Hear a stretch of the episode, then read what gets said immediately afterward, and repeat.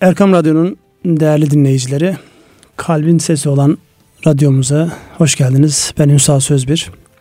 Ekonomi gündeminde e, normalde bu programı her zaman olduğu gibi Lütfü Arslan hocamla yapıyor idik. Fakat hocam anladığım kadarıyla baharın e, ne derler değişen ikliminden etkilenmiş, biraz rahatsız. Onun için bugün katılamıyor. Onun yerine daha önceden de e, bu programda beraber olduğumuz 30 yıllık dostum Mustafa Büyükadeş abim var. Hoş geldin Mustafa abi. E, hoş bulduk. Lütfü hocama ben de geçmiş olsun diyor, e, diliyorum. Nasılsınız? İyisiniz inşallah. Teşekkürler. Sağ olun.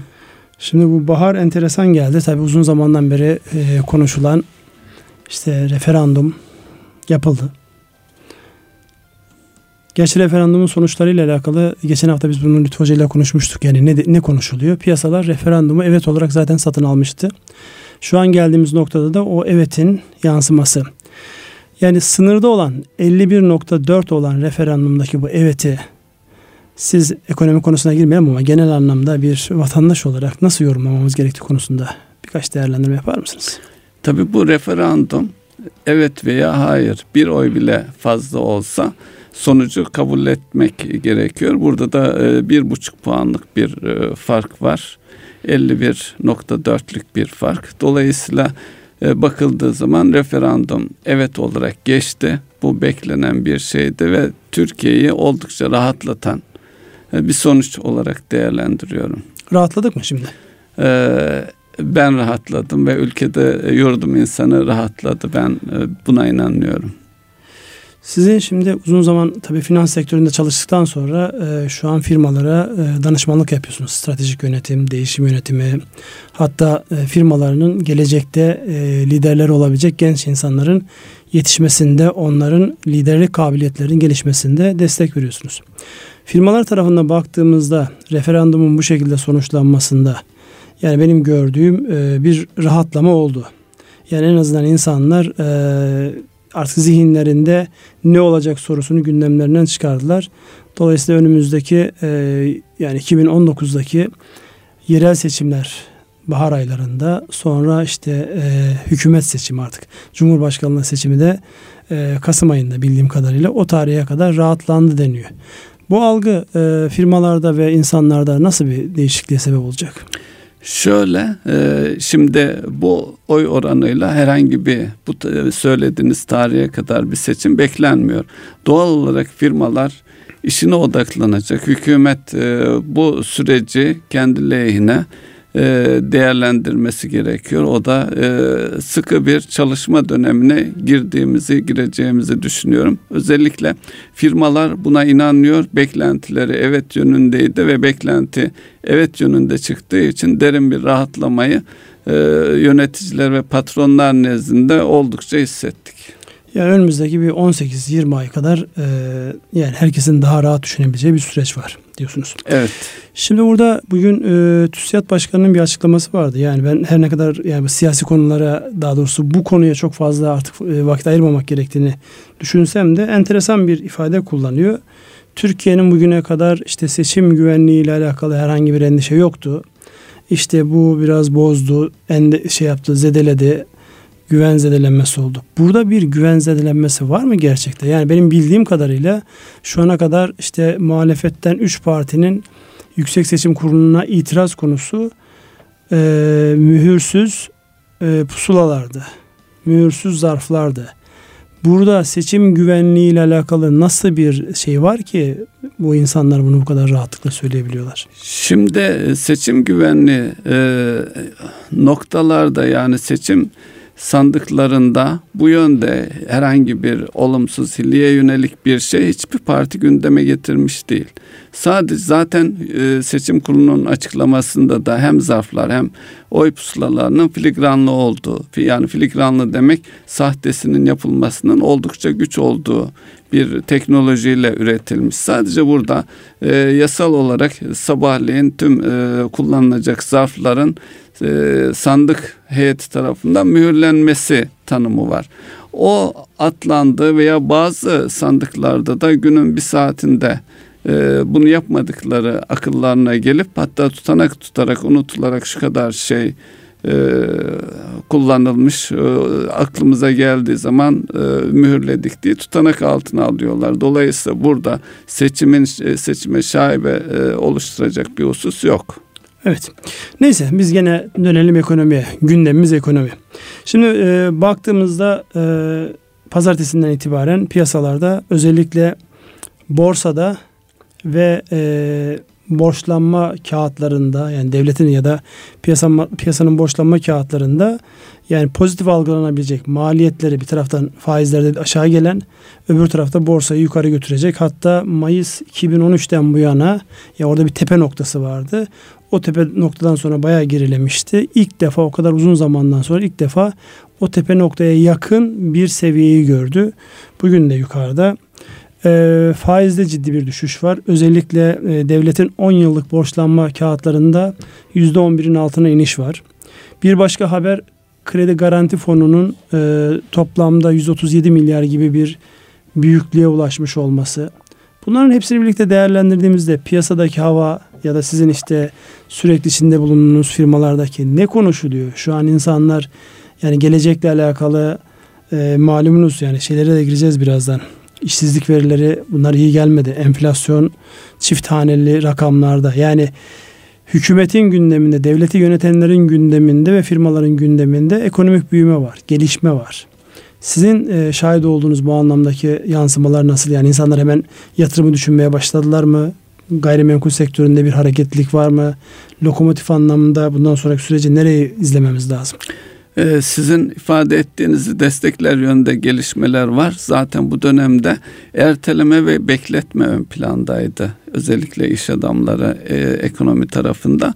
Artık son e, şeyde belli oldu. Referandumda sonuçlandı önümüzdeki e, bir iki iki buçuk yıllık bir süreçte mahalli seçim ve cumhurbaşkanı hükümet seçimi olarak bakılırsa bir çalışma dönemi var. Artık bu dönemde e, hızlı hareket edip önceki kayıpları telafi edeceği, edilecek bir süreç bekliyorum. Öyle görünüyor. E, bu özellikle istihdam tarafında sıkıntılar vardı. Bunu da olumlu yönde destekleyecektir. Şimdi orada Mustafa abi enteresan şey rakamlar var. Tabi Ocak ayında yani henüz e, en son ölçebildiğimiz tarih Ocak 2017. Oraya baktığımızda genel işsizlik oranı %13'ü aşmış vaziyette. Uzun zamandan beri Türkiye bu oranı görmüyor. Asıl dramatik olan genç işsizlerde %25'e dayanmış vaziyette. Yani şu an ister üniversite mezunu olsun ister daha az tahsilli olsun her dört gençten bir tanesi e, işsiz konumunda. Dolayısıyla buraya baktığımızda acil yani hangisini öne almak gerekir meşhur sizin sürekli firmalara önemli işlere öncelik verin diye tavsiyede bulunduğunuz başlıktan değerlendirdiğimizde burada bir taraftan enflasyonu dengelemek için sıkı para politikası uygulamanız lazım. Merkez Bankası evet. bunu uyguluyor. Öbür taraftan acilen insanların yatırıma girmesi lazım. İşte istihdamı sağlaması lazım ötelenmiş taleplerin işte tekrar piyasaya iş e, talep olarak gelip onun da yeni yatırımlar ve yeni iş olarak gelmesi lazım gelen bir dönemde birbiriyle çelişen e, unsurlar var. Yani bir taraftan enflasyonu aşağı çekeceksiniz. Fiyat istikrarı sağlayacaksınız. Öbür taraftan da istihdamı arttırmanız gerekir. Öncelik noktasında yani önümüzdeki dönemde firmalar açısından da baktığımızda yani ne yapmak gerekir ki hem makroekonomi anlamda işsizliği azaltacak katkılar sağlanacak, yeni istihdamlar sağlanacak. Hem de bu fiyat istikrarının sağlanması noktasındaki olumsuzlukların Merkez Bankası'nın politikalarını e, daha da sıkılaştıracak, daha da sertleştirecek bir taraftan uzak tutacak. Ee, en önemli şey bir kere e, beklentinin pozitife dönmesi, belirsizliğin e, ortadan kalkmış olması. Bu önemli bir psikolojik şey. Ee, bakıldığında tabii e, fiyat istikrarı, yatırımlar birbirini e, etkileyen önemli unsurlar. Bu süreç içerisinde e, beklentilerin pozitife dönmesiyle birlikte harekete ekonominin canlanacağına inanıyorum. Yani onun ipuçları var. Elbette e, bu son enflasyon oranları e, nedeniyle e, Merkez Bankası bir takım e, tedbirler alıyor olacaktır. Ama genel olarak bakıldığında özellikle Türkiye'ye girecek yabancı sermayede de e, artış e, bekleniyor. Çünkü e, referandum nedeniyle e, son e, ötelenmiş şeyler evet, vardı. Onlar mı geliyorlar? Hatta şeyden 15 Temmuz'dan itibaren bir ötelenmişlik, bir beklenti, yabancı sermaye girişlerinde e, yavaşlama vardı doğrudan yatırımlar çerçevesinde. Bunun artacağını hala Türkiye bölgesinde o AB açısından da bir fırsatlar ülkesi olarak duruyor. Peki bu e, yabancıların özellikle Türkiye'de kurumsal finansman işi yaptığınızda bildiğim için Türkiye'deki firmaların satın almalarıyla alakalı hani o sürekli söylediğimiz masada kalkmıyorlar da imza da atmıyorlar. O süreç bundan sonra hızlanacak mı sizce? Evet hızlanacak. E, yani şu son bir hafta içerisinde küçük de olsa e, sonuçlanmış işlemler var özellikle enerji sektöründe. evet. Peki e, istihdamı e, konuştuk. İşsizliğin azaltılmasıyla alakalı e, şeyleri konuştuk. Yatırıma ihtiyaç var. Piyasaların zaten hareketlenmesi ki bu günlerde biliyorsunuz turizmle alakalı henüz daha problem çözülmüş değil. Yani en azından e, Rusya ile alakalı kısmen çözülse ki o uçak seferleriyle alakalı ki rezerv hala devam ediyor yani karşılıklı orada ne derler elense çekmeler devam ediyor. Onu bertaraf ettiğimizde turizm hala istihdam noktasında gereken desteği sağlayabilmiş değil. Yani bu sene çok böyle dolu dolu gider mi onu önümüzdeki günlerde göreceğiz. Asıl e, bu Rusya ile olan ticarette yani özellikle bu karşılıklı gıda ürünlerinin onlardan biz buğday alırken onlar da bizden işte meyve sebzeyi alırken bir şey var yani bir ne derler e, bir güç gösterisi var bir gövde gösterisi var. Bunun sonuçlanma ihtimali ya da önümüzdeki günlerde bununla alakalı pozitif bir şey duyar mıyız sizce? Ee, evet, e, bakan e, Rusya ziyaretini e, pozitif yönde değerlendirdi. Mayıs ayının başında tekrar Ruslarla oturulacağı söylendi. Tabii bu özellikle domates üzerinden, karşılığında buğday üzerinden karşılıklı bir e, yoklama, elense çekme süreci var. Artık bunun e, bundan sonra Rusya ile ilişkilerin böyle dengeli bir e, bir dengede götürüleceği beklentisi var. Yani öyle götürülecek diye düşünüyorum. Turizm sektöründe charter seferlerle ilgili e, muğlak ifadeler var ama e, sahadan özellikle Antalya yöresinden de otel tarafından e, oteller tarafında ciddi e, dolulukların sağlandığı Rus e, nezdinde söyleniyor. Bu kontrollü bir şekilde e, devam edecek. Yani ne onlar bizi terk edebilir ne bizi onlar. E, yine bir değerlendirme vardı bu ihracat e, tarım e, ihracatıyla ilgili. Bu domates ihracına konulan yasaklamanın e, Rus tüketicilere 500 milyon dolarlık ilave yük getirdiği gibi bir başka piyasalardan aldıkları için mi? E, doğrudan bizden almadıkları için zaten e, tamamen durmuş değil yaklaşık 300 milyon dolarlık bir son dönemde gerileme bekleniyor ama bunun gerçekte 150 milyon dolar olduğu çünkü komşu ülkeler üzerinden yine Türk domatesinin e, Rus e, sofralarına ulaştığı söyleniyor. Hatta son fiyatlar olarak 18 TL'ye karşılık gelen bir domates fiyatından bahsediliyor. Oradaki Rus e, üreticiler de bundan oldukça yararlandığını dolayısıyla domatesin e, ihracatının engellenmesinin aracılara e, bir dolarlık kilo başına bir e, ekstra kazanç sağladığını ifade ediyorlar. Yani Sayın Cumhurbaşkanımızın 3 e, Mayıs'ta Soçi'de Putin'le bir görüşmesi var. Yani bu görüşme herhalde birçok konuda yani sadece tarımla alakalı değil birçok konuda e, kilit bir görüşme olacak. Önemli bir görüşme olacak. Onun sonuçlarını da bekleyeceğiz. İşte her zaman söylediğimiz gibi bu ekonomi hep beklenti üzerine kuruldu. Şu an dünya neyi bekliyor? Bizim e, referandum geçti. Fransa'yı bekliyor. Evet. Hiç hesapta olmayan İngiltere e, potaya girdi. Yani orada bir e, mevcut siyasi iktidarda olan e, hanımefendi kendini e, anladığım kadarıyla anketlerde olumlu bir şey yakalayacağını gördü. İngiltere'nin gündeminde. Fakat enteresan yani seçim kararı almış bir ülkenin para biriminde normalde bir e, strese bağlı olarak bir gerileme olur. İngiliz poundunda öyle belirgin bir gerileme yok. Hatta daha da böyle sanki netleşmiş gibi.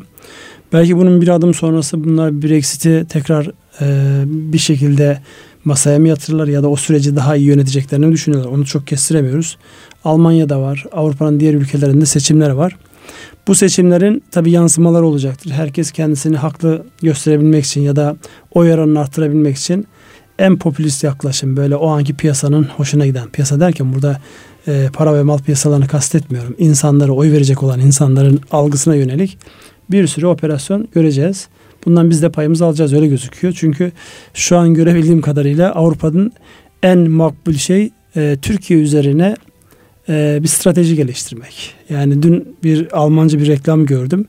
Yani işleri güçleri yokmuş gibi Türkiye'deki e, işte yani gezi olaylarını göstermişler. Sonra işte e, Taksim'in böyle son derece ne derler tenha olduğu bir ortamı göstermişler. İşte Türk siyaseti bak ne güzel temizliyor falan gibi böyle abuk sabuk e, yorumlar var. Bunun ekonomiye yansıması da önümüzdeki günlerde bir şekilde olacaktır. Benim dikkatimi çeken bir şey var. Bu e, İsviçre'nin en büyük bankalarından bir tanesi UBS çok ciddi Türk tahvil alımına girdi. Hem özel sektörün hem kamunun tahvil alımlarına girdi. Bunun da etkisiyle özellikle uzun vadelileri yapıyorlar bunu. Bunun etkisiyle 10 yıllık tahvilde daha önceden 11 ve üzerine çıkmış olan e, borçlanma oranları şu an 11.60'lar 10.60'larda pardon 10.60'lara kadar gerilemiş vaziyette ki buradan talep daha yoğunla gelecek gibi gözüküyor. Başka bir konu e, özellikle bu Katar'la olan ilişkilerde Türk müteahhitlerinin yurt dışında iş yapmasıyla alakalı hadise var. E, Katar tarafına girmeden önce şu e, tahvil tarafını bir üzerinden bir geçelim isterseniz. Tahvilde yani Türkiye'nin hazine olarak borçlanmasında bugüne kadar herhangi bir sıkıntı var mıydı? Ben bildiğim ee, kadarıyla. Tür, Türkiye hiçbir dönemde borcunu ödemezlik etmemiş. Dolayısıyla e, şu andaki e, fiyatlarda e, dünya ölçeğinde bakıldığı zaman oldukça cazip. Dolayısıyla bunu kullanıyor olacaklar. Tabii bu e, Türkiye'nin e, yönetilebilirliği noktasında bir endişelerinin olmadığının ifadesi özellikle uzun vadeli tahviller açısından da bakılırsa bundan sonra gelişmelerin Türkiye'nin e, istediği yönde olacağını e, ifade edebiliriz.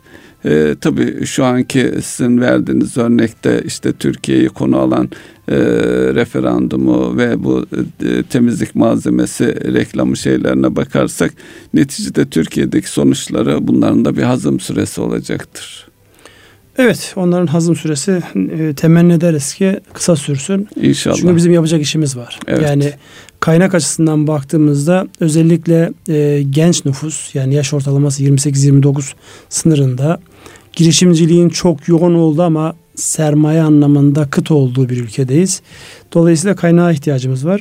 Bu kaynak sağlamada da e, son dönemde en flash karar ki yaklaşık ikimiz de yaklaşık 30 yıldır e, finans sektörünün içerisindeyiz.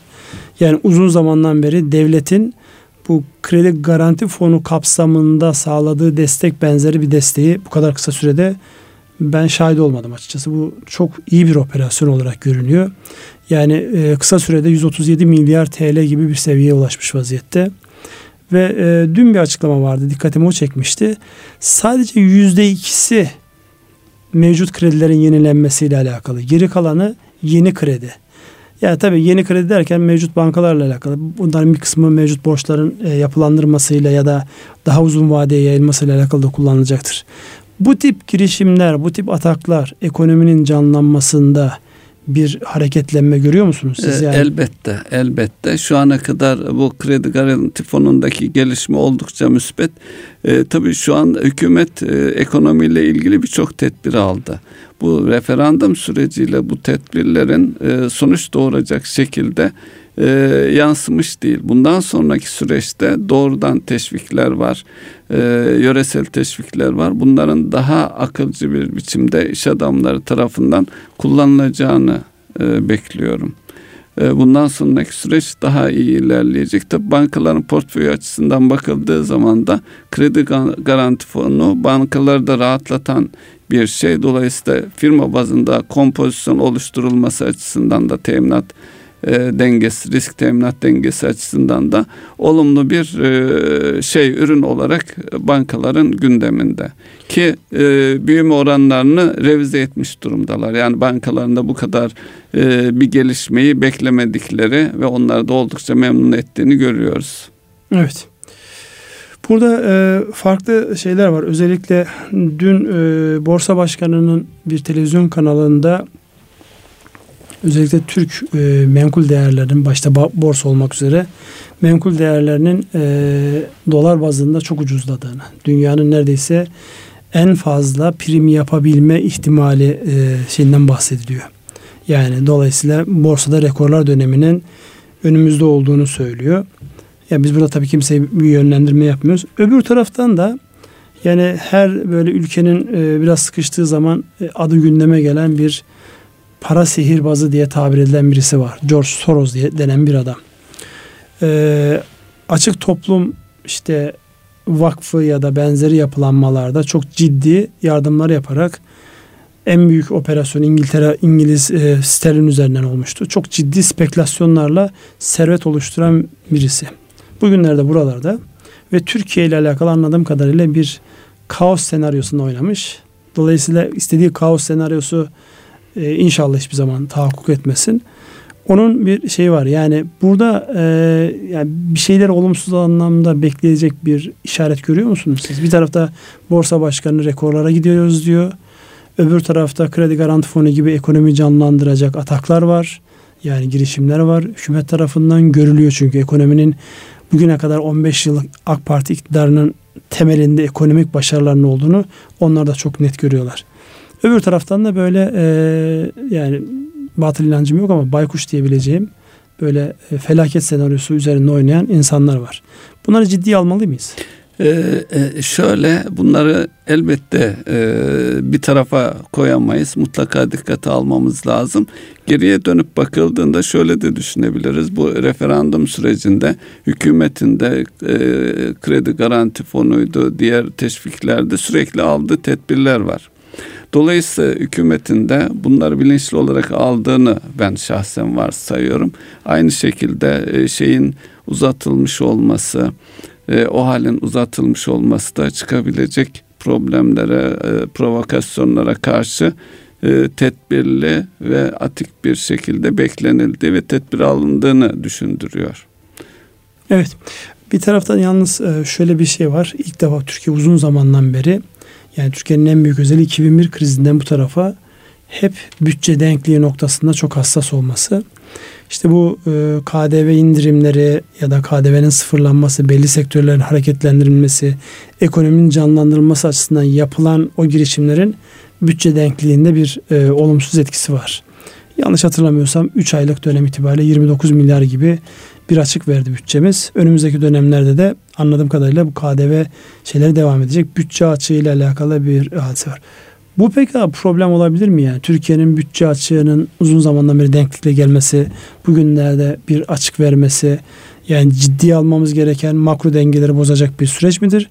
Yoksa Türkiye bunu yani bir taraftan da rahat borçlanma süreci devam ediyor. Onunla beraber e, iyi yönetebileceği bir şey olarak algılanmak gerekir. Çünkü yani vergi gelirlerinde ciddi düşüş var. Bir taraftan işte KDV, öbür taraftan firmaların zaten bu finansal dengelerin bozulmuş olması, gümrük girişleriyle alakalı ithalat nispeten azaldığı için oradaki girişlerle alakalı şeyler var. Bunun e, bize yansımaları bu anlamda herhangi bir yorum var mı yoksa yani bunu e, ileride halledilecek makro başlıklar olarak yazıp geçelim mi? Yönetilebilir olduğunu düşünüyorum. İleride bakılacak denebilir. Mesela SGK'da bazı ertelemeler firmalar rahatlatan e, kararlar alındı. Bunların ödemeleri Eylül'den sonra başlayacak. Yani şu anda ödeyeceğiniz bir kısım primleri e, Eylül ayında e, hatta karar alındığında 9 ay sonraya ertelenmişti. Yani telafi edecek karşılığında bir şeyler mutlaka gelecektir. Ama temelde yönetilebilir bir açık olduğunu düşünüyorum. Bilmiyorum sizin görüşünüzde bu yani konuda. Yani evet ben de ee, o, o yönde yani bunun farkında olunması yani bunun herhangi bir şekilde bir kere güzel olan şu popülist bir yaklaşımda verilmiş bir açık yok. Yani burada çok ciddi anlamda baktığımızda ekonominin çarkının dönmesiyle alakalı. Hele işte uzun yıllar Japonya'nın ekonomiyi canlandırmak için yaptıkları ki haberlerimizden bir tanesi de onun da üzerinde dururuz birazdan. Yani ekonomiyi canlandırmak için herkesin uğraştığı dönemde Türkiye'nin ekonomi canlandırması için böyle bir bütçe açığı vermiş olması tabii ki yönetilebilir bir şey ve bunu yapanlar da farkında yani. Şey değil, aa nereden çıktı işte Yunanistan örneğinde olduğu gibi biz bu kadar kötü olduğumuzu bilmiyorduk denebilme şansı yok. Şimdi e, bir ara vereceğiz. E, Erkam Radyo'nun değerli dinleyenleri e, kısa bir ara veriyoruz. Aradan sonra devam edeceğiz. Erkam Radyo'nun değerli dinleyenleri Ekonomi gündemi programımıza kaldığımız yerden devam ediyoruz. Ben Ünsal Sözbir, e, değerli konuğumuz Mustafa Büyükateş ile beraber bugün ekonomiyi yorumlamaya, ekonomi gündemini e, beraber el almaya çalışıyoruz. Şimdi e, ekonomi güncel olarak yorumlamanın şöyle bir sıkıntılı tarafı var.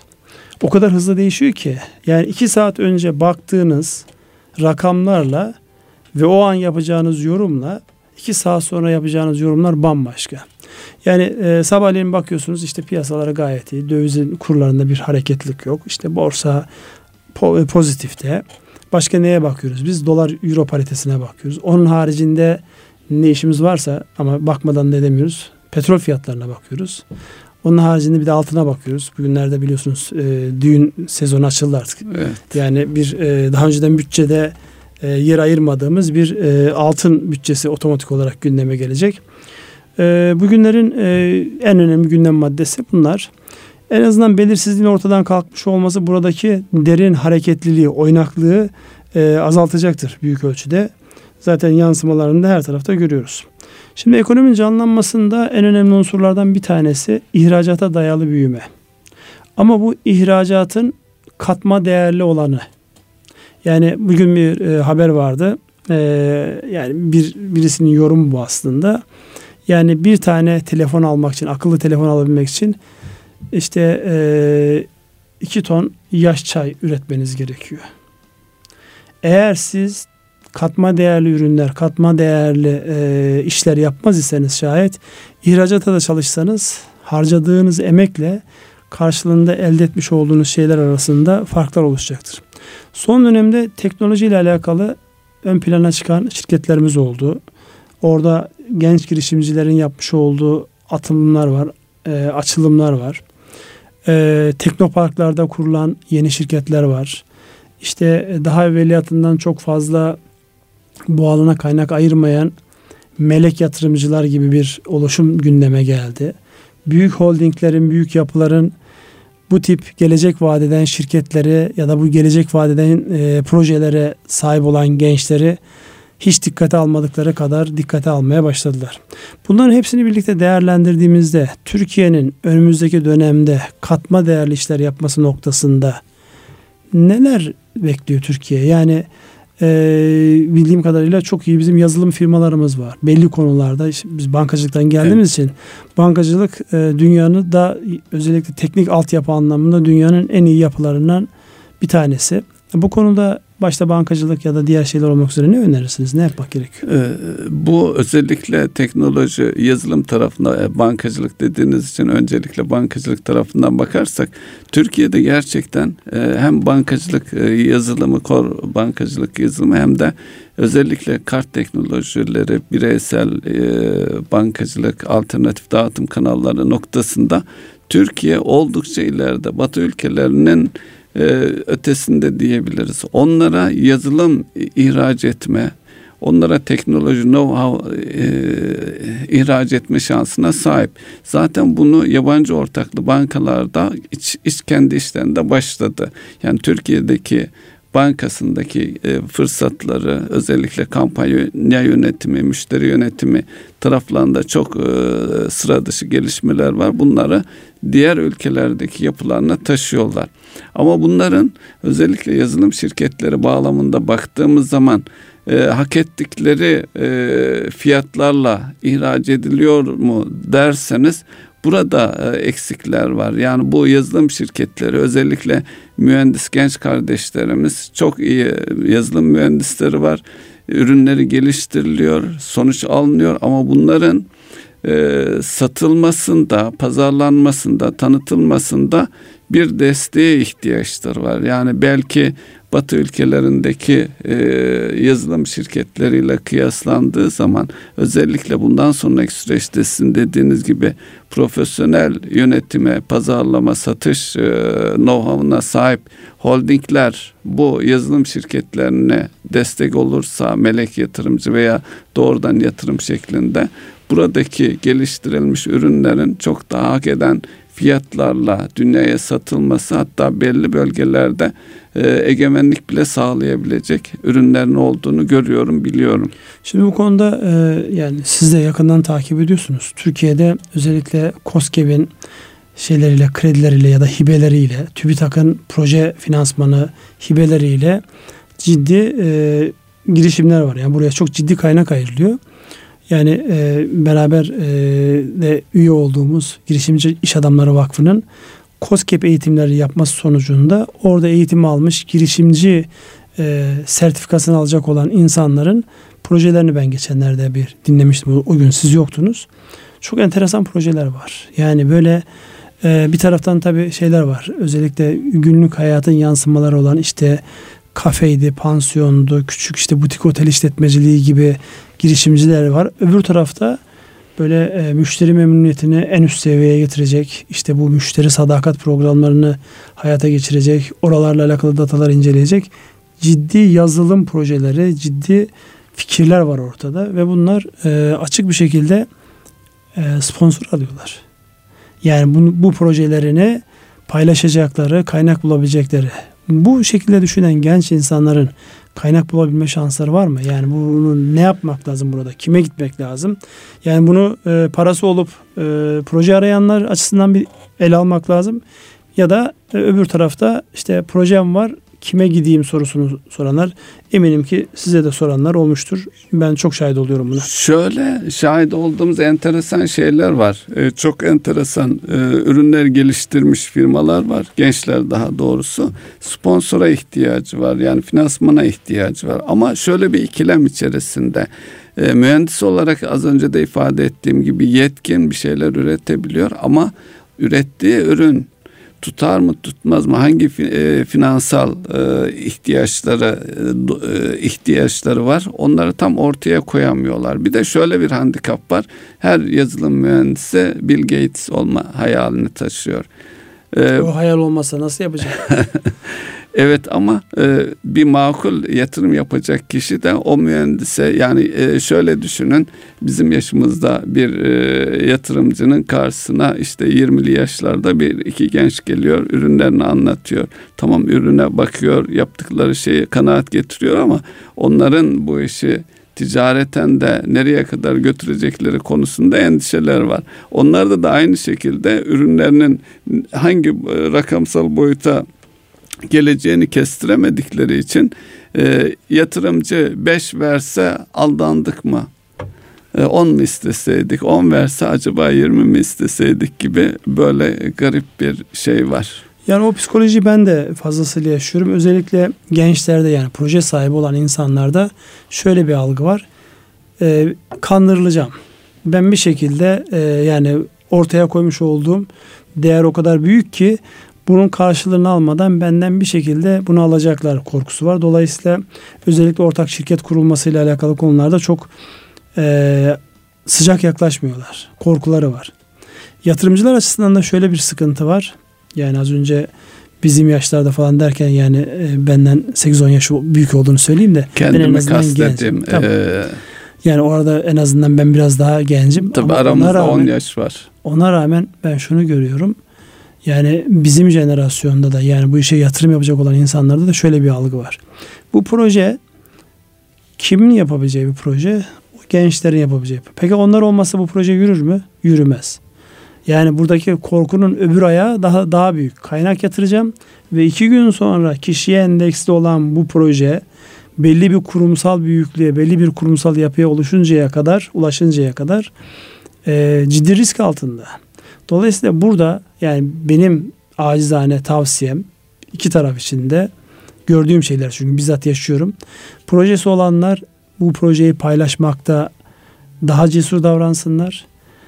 Ee, parası olup bu projelere yatırım yapacak olan insanlar da en azından gençlerin bu kaygılarını, bu endişelerini ortadan kaldıracak o güvenceleri sağlayıp ama kendilerini de güvence altına alacak bir oluşum yapmalar lazım. Yani küçük küçük başlayarak belli deneyimler olabilir. Buralarda belli şeyler elde edilebilir. Buraya bir şey ekleyebilir miyim? Tabii ki. Ee, headhunterlık tarafında firmalardan gelen şeylerde özellikle IT Headhunterlık dediğiniz ne oluyor e, abi? E, insan kaynakları Tedariki. e, tedarikini Hı-hı. kastediyorum. Özellikle yazılım firmalarının en büyük sıkıntısı nitelikli insanlarını çok hızlı kay- kaybediyor olmaları. Yani bu sektördeki firmalar ihtiyacı varsa e, ihtiyaç duyduğu mühendise baştan çıkartacak rakamları verip e, bir projenin çökmesine neden olabiliyorlar. Buradaki döngü çok fazla. Bunun için de e, firmaların da yine çalışanların da daha dingin, daha ileriyi düşünen kararlar almaları gerekiyor. E, tabii o piyasanın gereği olarak yani bana bir yetişmiş bir eleman lazımsa onu yetiştirmenin hem zaman maliyeti hem e, ekonomik anlamda belli fırsatların kaçırılması anlamında e, geçecek şey düşünerek bir başkasının yetişmiş elemanına talip olabilirim. Yani e, maalesef kapitalist ekonominin olmazsa olmaz kurallarından bir tanesi. Bazen rakibi çökertmek için de yapabilirsiniz bunu. Bazen gerçekten ihtiyacınız olduğu için de yaparsınız. Orada tabii e, yani en temel problemlerden bir tanesi etik problemi. İşte e, öbür taraftan da ticaretin getirmiş olduğu şey var. Bu arada bir dengenin sağlanması gerekir. E, yani bize düşen de yani özellikle istihdam tarafında insanların mutlu olacakları doğru yerlerde istihdam edilmelerini e, temenni etmek başka başka bir şey olamaz ve insanların içindeki o girişimci ruhun bir şekilde ayakta kalmasını sağlamak. Mustafa müsaade edersen bir başka konuya geçeyim. Son dönemde özellikle Türkiye'nin ihtiyaç duyduğu, yurt dışından ihtiyaç duyduğu kaynağın geldiği ana ülkelerden, ana bölgelerden bir tanesi Orta Doğu. İşte Katar, Kuveyt, Suudi Arabistan o kadar eskisi kadar rahat değil. Çünkü onların kendi çözmeleri gereken başka e, problemler var. Petrol fiyatlarının aşağı gelmesinden dolayı.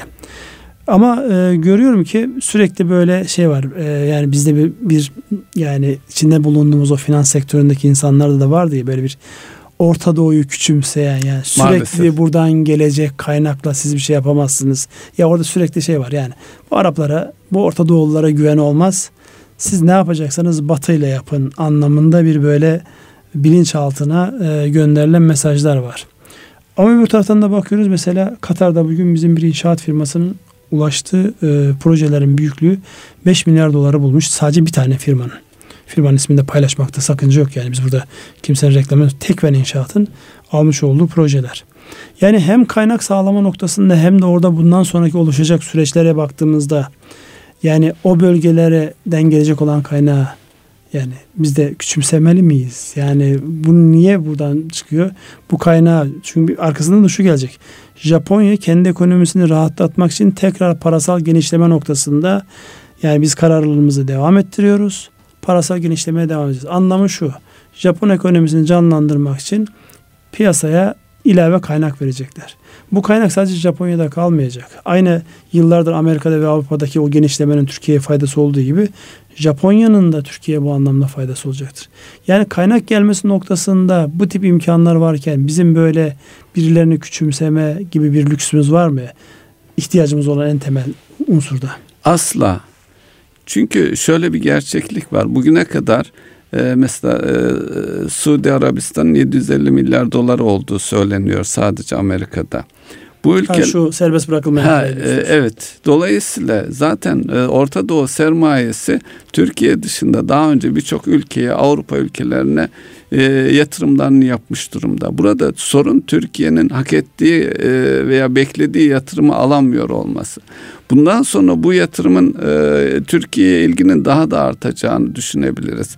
Bankacılık sektöründe siz de yaşadınız e, Orta Doğu kökenli bankaların bankaları kim yönetiyor diye bakıldığı zaman tepede yönetim kurulu patronu Arap onun dışındaki yöneticiler ya İngiliz, İngiliz ya Amerikalı. Amerikalı. Bir altta da Hintliler. Ya, ya Hintliler. Bu e, coğrafyada Türkiye e, Türk yöneticiler yoktu. Dediğiniz gibi öğretilmiş bir şekilde oradaki onları küçümseyen bir yaklaşım. Artık şu andaki Türkiye'nin yönetim olarak Cumhurbaşkanımızın da ciddi ilgi göstermesi sayesinde artık o bizim kendi insanlarımız da o ülkede iş yapma, o ülkede profesyonel olarak çalışma isteğinin artacağını düşünüyorum. Yani eğer oradaki finans e, gücünü, oradaki bankaları ki Türkiye bankacılık noktasında yetişmiş insan kaynağı noktasında oldukça yetkin bir konumda oralara gönderebilmiş olsak e, o bankaları Türk yöneticiler yönetiyor olsa Türkiye çok daha büyük bir pastayı kendi e, içerisine ülkesine çekme fırsatına sahip. Bu fırsat halen duruyor. Bu noktada ciddi ilerlemeler olacağına inanıyorum. Katar'la sınırlı değil tüm e, Orta Doğu coğrafyasını düşünebiliriz bu şekilde. Ya o konuda e, yüzde bin haklısınız. Özellikle yani o bölgelere gittiğimizde sadece bu bankacılık sektörüyle değil yani bütün büyük e, yapılarla hatta ben mesela Kuveyt Merkez Bankası'na gitmiştim. Merkez Bankası Başkan Yardımcısıyla bir görüşmemiz vardı. Karşımıza çıka çıka bir İngiliz çıktı. Yani sadece özel sektör bankalarında değil Merkez Bankası'nda iki numaralı adam İngiliz. Dolayısıyla orada bir hakimiyet var ya o öyle bugünden yarına değişecek bir hadise değil. Kültürel anlamda bizim oraları daha çok e, ziyaret ediyor olmamız, o kültürdeki bu kopmuşluğu bir şekilde telafi ediyor olmamız lazım. Unutulmamalı ki 1972-73'lere kadar o bölge bir İngiliz sömürgesiydi. Bağımsızlıklarını o yıllarda elde ettiler. Dolayısıyla bir İngiliz hayranlığı, bir Amerikan hayranlığı oranın yani şu anki gündeminden önemli unsur. Bunu göz ardı etmeden bunun üzerine bizim bir yapı kurmamız ve gidenlerimizin o Orta Asya ilk o Türkiye Cumhuriyetlere gidenler gibi maceracı tipler değil, daha ayağa yere basan, yani oradaki insanlara kandırıldığı hissini vermeden yüz akı olacak e, işler çıkarabilecek firmalara ve insanlara ihtiyacımız var. Peki abi burada yani en önemli şeylerden bir tanesi biz kendi aramızda sürekli konuşuyoruz da yani bu vesileyle Erkam Radyo dinleyicileriyle de paylaşmış olalım.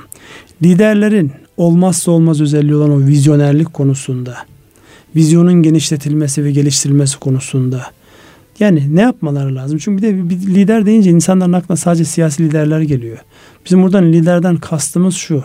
Yani 5 kişi de olsa, 10 kişi de olsa, 50 kişi de olsa, 100 kişi de olsa aldığı kararlardan insanları etkileyen, insanların onun ağzına baktığı, onun kararlarına baktığı herkesi bu anlamda lider olarak değerlendiriyoruz. İşletmelerin başında ki insanlar da gerçekten bu anlamda lider.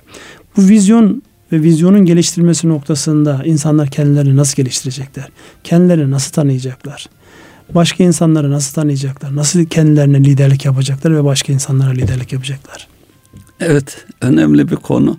Ee, liderlik deyince herkesin kendi sorumlu olduğu alanda e, liderliğini düşünmek lazım. Bu ailede, okulda, işte sadece işte liderlik derken en tepedeki e, yönetim kurulu başkanını ve CEO'yu değil e, en alt takıma kadar mavi yakalılara kadar onun başındaki usta başına kadar liderlik e, vasıflarının farkında olmaları gerekiyor. Bununla ilgili bir farkındalık oluşması lazım. Tabii e, bu önemli bir konu e, Türkiye'nin gelişiminde de önemli bir konu. Artık Batı ülkelerine baktığımızda da orada da şu ana kadar e, gelinen noktada en başarılı şirketlerin, en başarılı sonuçları kişilerin e, kendi içsel e, sınırlarının e, ortadan kaldırıldığı, sınırların ortadan kaldırıldığı, herkesin kendini geliştir, geliştirmesi, gerçekleştirmesi adına bir fırsatın, ortamın sunulduğu bir şey olarak düşünülmesi lazım. Sadece liderler değil, liderin en baştaki liderin oluşturduğu bir ortam. Bu nedir? Herkesin e, yetkinliğini, yeteneğini ortaya koydu ve sürekli öğrenmeyi öne çıkartan, kendi işiyle, kendi içsel e, yeteneklerini ortaya çıkarmaya yönelik cesaretlendirici bir ortamın oluşturulması. Burada herhalde yani benim de gözlemimi e, daha önceden paylaştığım için sizin de benzer gözlemleriniz var. Özellikle liderlik yapacak olan insanların kendilerini tanıması, takımını tanıması, liderlik yapacak olan insanları onları tanıyıp onlara liderlik yapması herhalde kilit nokta burası yani. O farkındalıkla alakalı yani ben neye liderlik yapacağım sorusunun cevabı aranmalı ve o cevabın karşılığı ölçüsünde de bir başarı söz konusu olacaktır. Burada e, yani benim o işletmelerle alakalı olan kısımda şunu gördüm. bir değişim, bir dönüşüm ve bunun sonucunda bir başarılı elde edilecekse işletme ile şahısların dönüşümü eş zamanlı olmak zorunda. Yani işletme tarafında işte bir farkındalık yani ne olacağım konusunda bir farkındalık olduktan sonra özellikle bizim işletmelerde en fazla atlanan konulardan bir tanesi hazırlık sürecinin yeterince yapılması. Yani planlama konusunun yeterince yapılmaması.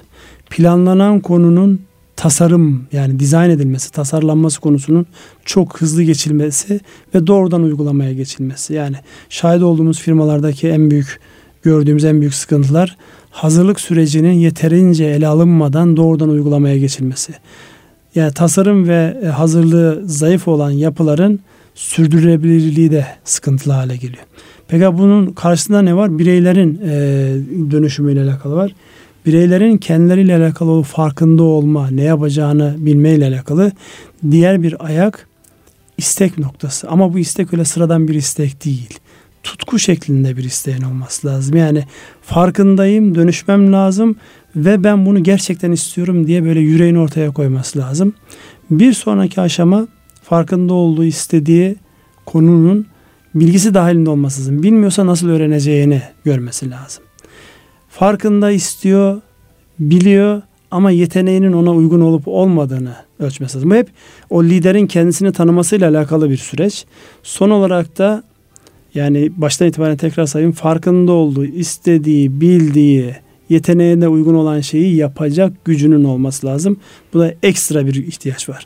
Dolayısıyla bunların hepsini birlikte değerlendirdiğimizde önümüzde çok hareketli günler var. Biz de ekonomiyi, güncel ekonomiyi yorumlarken bu hareketliliğin dışında kalmamak için dört elle sarılıyoruz, anlamaya çalışıyoruz. Ve e, hükümranlık, yani hükümranlık demeyelim orada yanlış bir ifade oldu bu yani sözümüzün geçtiği bizi dinleyen insanların kendi dönüşümlerini sağlayacak etki alanı. Etki alanını insanlara e, elimizden geldiğince bu anlamda destek olmaya çalışıyoruz ki gelecekteki rekabete doğru hazırlansın. İdeal yapılarına doğru ulaşsınlar. Son bir e, cümleyle e, şey yapalım. Yani bugünü söylemek istediğiniz bir şey varsa onu söyleyelim. Çünkü baktım e, içeriden Ramazan uyarıyor. Günün sonuna gelmişiz. Programın sonuna gelmişiz. Bir katkınız, bir ekleyeceğiniz var mı? E, dileğim inşallah e, her gün biraz daha iyiye gidiyor olacağız. Yani sürekli iyileşme diyorsun. Evet. E, Japonların ifadesiyle kaizen, İslami ifadeyle iki günü müsavi olan ziyandadır mantığı. Evet. Evet Erkam Radyo'nun değerli dinleyenleri bir ekonomi gündemi programının sonuna geldik. Teşekkür ediyoruz. Hayırlı akşamlar diliyoruz bizi dinlediğiniz için. İyi tatiller. Hayırlı akşamlar.